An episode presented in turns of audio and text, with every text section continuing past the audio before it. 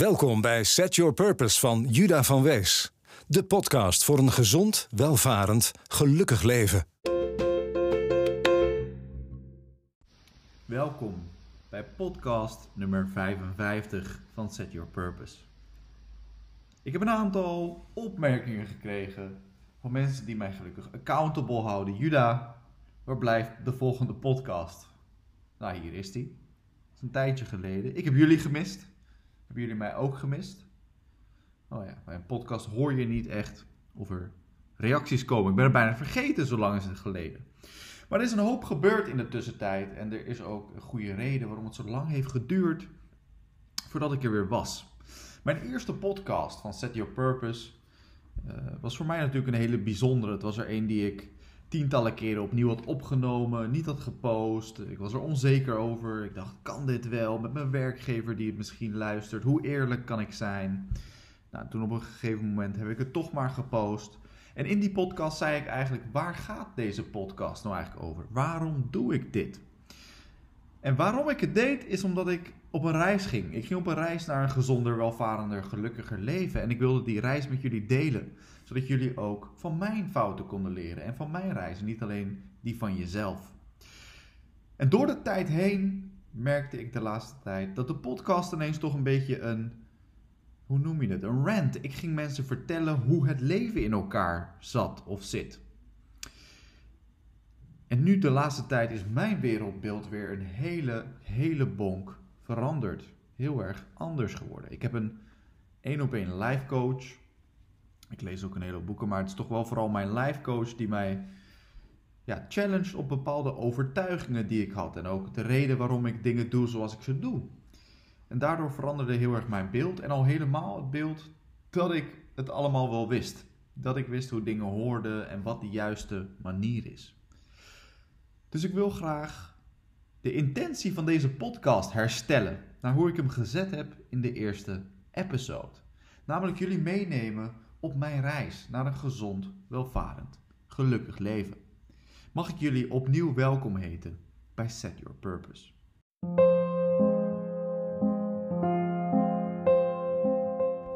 Laten we gelijk beginnen bij die drie pijlers en eens opnieuw framen waar we het nou eigenlijk over hebben. We hebben het over gezondheid, welvaart en geluk. En in een tijd van een pandemie, we zitten nu in de coronatijd. Het is een crisis, een gezondheidscrisis wereldwijd, omdat er een voor ons nieuw virus is. Gezondheid is voor mij uh, steeds duidelijker geworden wat het inhoudt. Ik wil een vitaal leven leiden. En ik dacht laatst nog aan toen ik rookte, dat ik af en toe wel eens tegen mezelf zei: ja, maar het, moet wel, het leven moet wel leuk blijven. Een van mijn argumenten om te blijven roken toen. Maar eigenlijk is het leven niet leuker als je rookt, kom je eenmaal achter. Als je gestopt bent, de verslaving heeft je anders in de ban. En dat is met heel veel dingen zo. Ik eet nu geen vlees meer. En toen ik vlees at en iemand zou tegen mij zeggen: geen vlees meer eten, dat is minder goed voor je gezondheid, zou ik zeggen: ja, het moet wel leuk blijven. Ik wil wel een leven van kwaliteit, niet alleen een lang leven. En nu eet ik geen vlees en denk ik: ja, ook de kwaliteit van mijn leven is weer hoger. Dus wat ik merk is eigenlijk vaak gaat door de keuzes te maken die niet voor korte termijn plezier zijn in je gezondheid, zijn bijna altijd goed voor de kwaliteit van je leven. Heel interessant genoeg. Ook alcohol drinken is een mooi voorbeeld natuurlijk. Dat is nog een van de plekken waar ik mezelf nog steeds vertel: het moet wel leuk blijven. Helemaal geen alcohol drinken is wel heel extreem. Terwijl eigenlijk ben je gewoon gif in je lichaam aan het stoppen.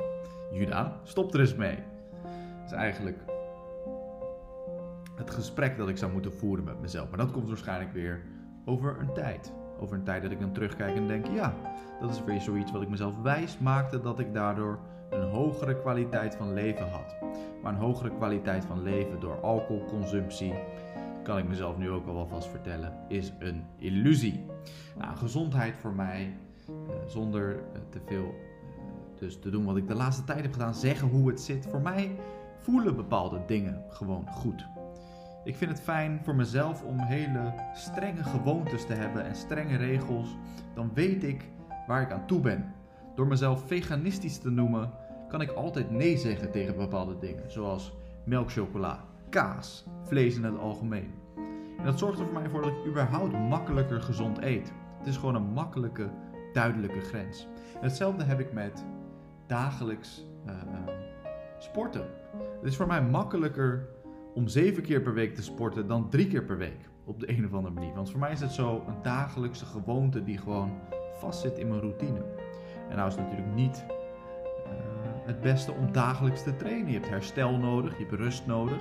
Iets waar ik vrij vaak te weinig van neem. Als het gaat om fysieke inspanning. Ik ben wel heel veel dus aan het aan, uh, krachtsport aan het doen. Ik ben in de tijd van corona 2 kilo spiermassa kwijtgeraakt. Ik voel me wel fitter dan ooit. Want ik heb eigenlijk mijn regime wat ik in de sportschool had, heb ik vervangen door heel veel trainingen bij een rek buiten. Waar je pull-ups en dips kan doen. Dus jezelf optrekken en omhoog duwen. Waardoor je heel erg je, je borst, je rug en je armen traint.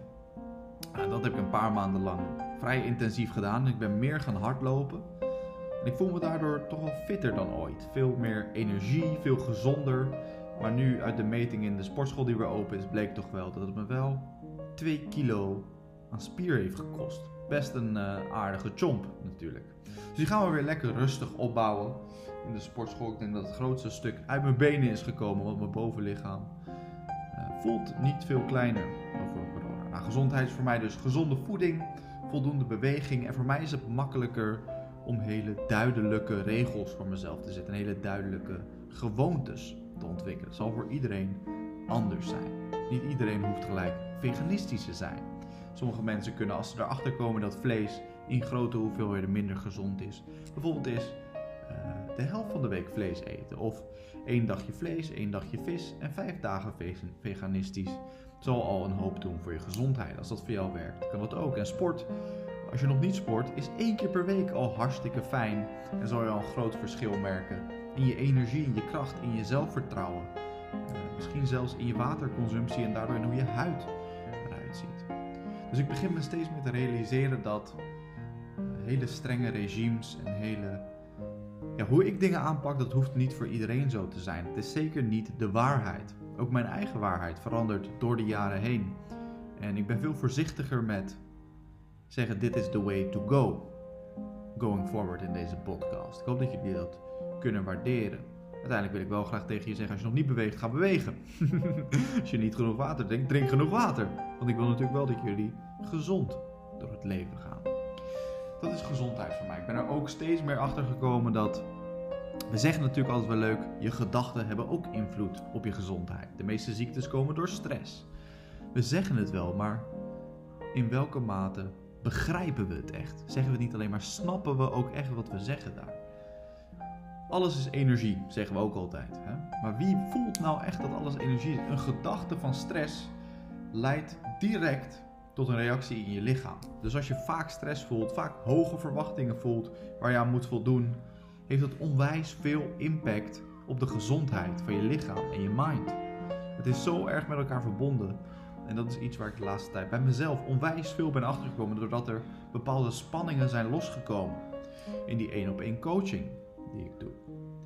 Daardoor merk ik hoeveel gewicht er eigenlijk zit op ons lichaam die we onszelf toekennen door emoties niet te verwerken. Door ja, te ontkennen dat dingen moeilijk zijn en emotioneel kunnen zijn. En in mijn geval, dit is ook weer voor mij zo. Sommige mensen zullen veel beter met emoties kunnen omgaan, met spanningen, met stress. Maar voor mij heeft het toch wel een soort van ja, opgehoopt effect gehad. Iets wat echt opgelost moest worden. Iets wat doorleefd moet worden. Nog steeds, overigens. En dat, ik merk het gelijk in mijn gezondheid elke keer dat ik iets groots doorleef. Iets groots oplos qua stress, gedachten of emoties. Dat ik gelijk in heel mijn gezondheidsstaat me beter voel. Dus dat is iets wat voor mij misschien nog wel de grootste impact op mijn gezondheid heeft gehad. Zeker doordat ook um, je wordt helderder in je denken en daardoor kan je weer beslissingen maken. Het leven, resultaten komen altijd voort uit besluiten en keuzes. Om gezonder te gaan leven. Om bijvoorbeeld meer te trainen, meer, te, meer hard te lopen, gezonder te, te eten. Allemaal redenen dus om ook vooral met de wereld van gedachten bezig te zijn als het om gezondheid gaat. Voor mij in ieder geval. Dat doe ik ook door middel van meditaties. En ik volg nu ook een cursus van Eckhart Tolle. Sommigen van jullie zullen hem kennen, sommigen niet. Eckhart Tolle is op het moment, wordt hij gezien als de meest verlichte persoon op aarde ongeveer. Iemand die uh, ja, heel erg in contact staat met zijn innerlijke wereld in ieder geval. Misschien wel met de oneindige intelligentie, zoals sommige mensen dat noemen. En wat hij zegt is: meditatie is eigenlijk een moment dat je bezig bent, niet eigenlijk niet bezig bent, dat je being bent, dat je aan het zijn bent. Je bent aan het zijn. In alle andere momenten ben je iets aan het doen. Ook nadenken is doen.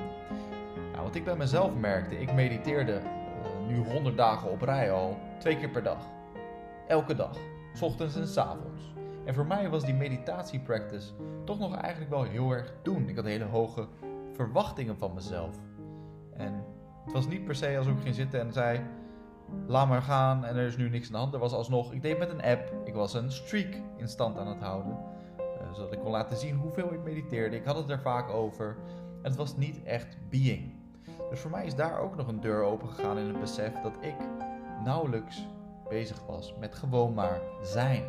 En dat is wel waar we die stress die zich ophoopt door ons leven heen oplossen. Waar we eventjes helemaal nergens mee bezig hoeven te zijn.